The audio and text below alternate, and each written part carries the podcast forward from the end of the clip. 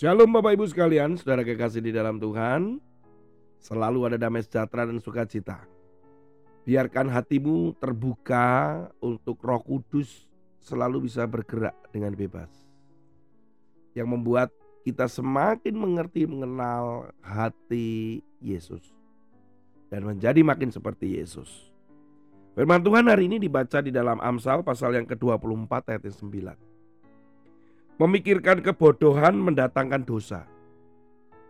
Dan si pencemooh adalah kekejian bagi manusia. Sebelum kita membahas lebih jauh, mari kita telaah kata demi kata dari ayat ini.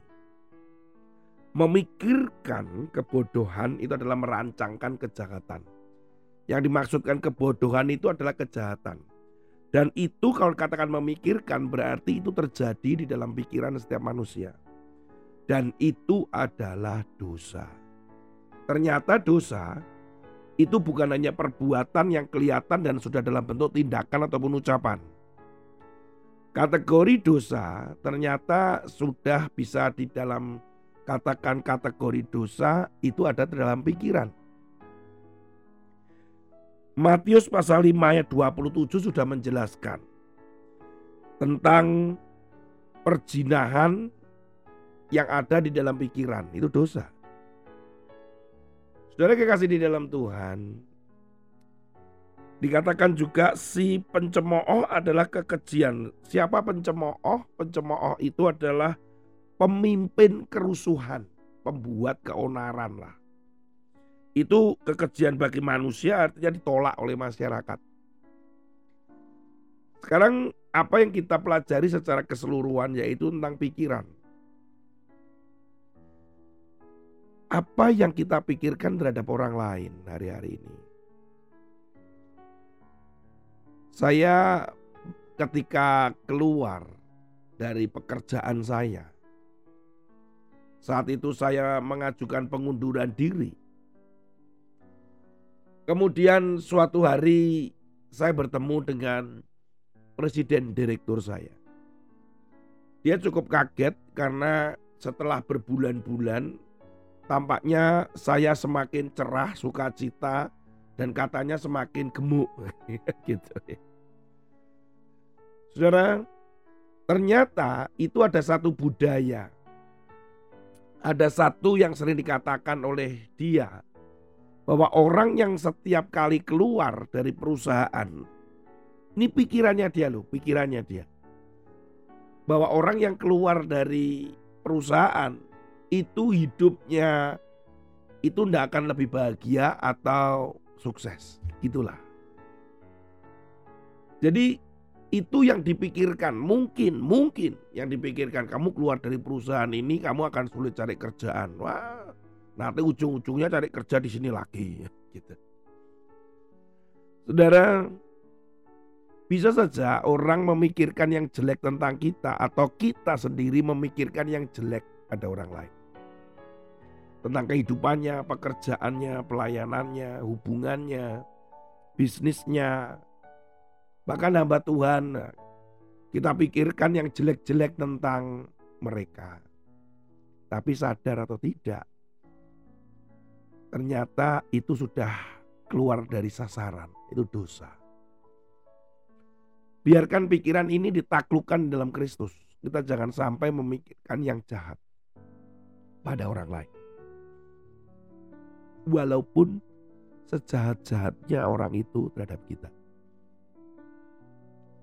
Walaupun orang itu mengkhianati, mencemarkan nama baik, berasumsi, benar-benar orang itu nggak pantas, misalkan.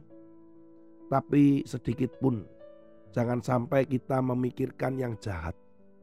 Kata-kata memikirkan bodoh itu adalah memikirkan yang jahat terhadap orang lain. Berkati mereka.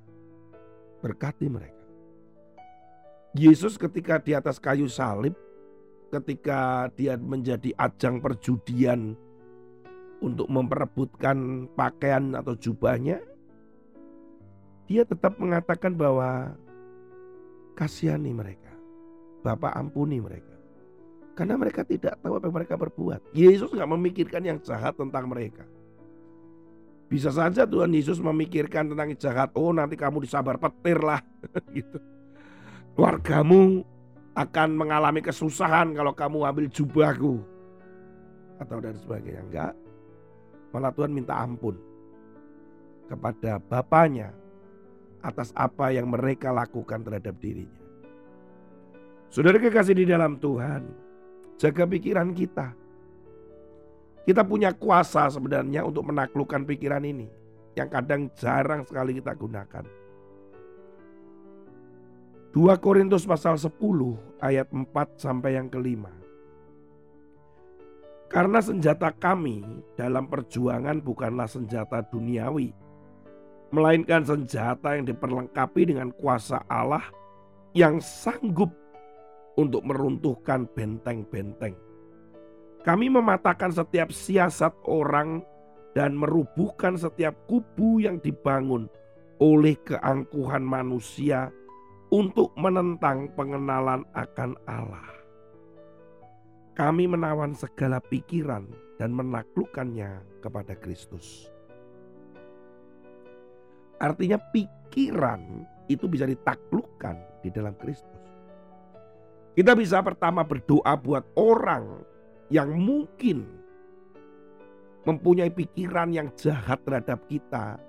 Seperti pada ayat ini 2 Korintus pasal 10 ayat 4 sampai 5. Kita berdoa di dalam nama Tuhan Yesus.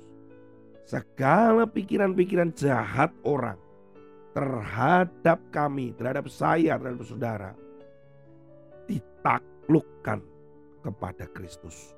Amin. Ditaklukkan di bawah kaki Kristus karena pikiran-pikiran jahat itu. Sebaliknya, apabila itu adalah kita dalam nama Tuhan Yesus, pikiran-pikiran yang jahat ini pada orang lain, sadar atau nggak sadar, sengaja atau nggak sengaja, kami taklukkan di dalam nama Tuhan Yesus. Amin.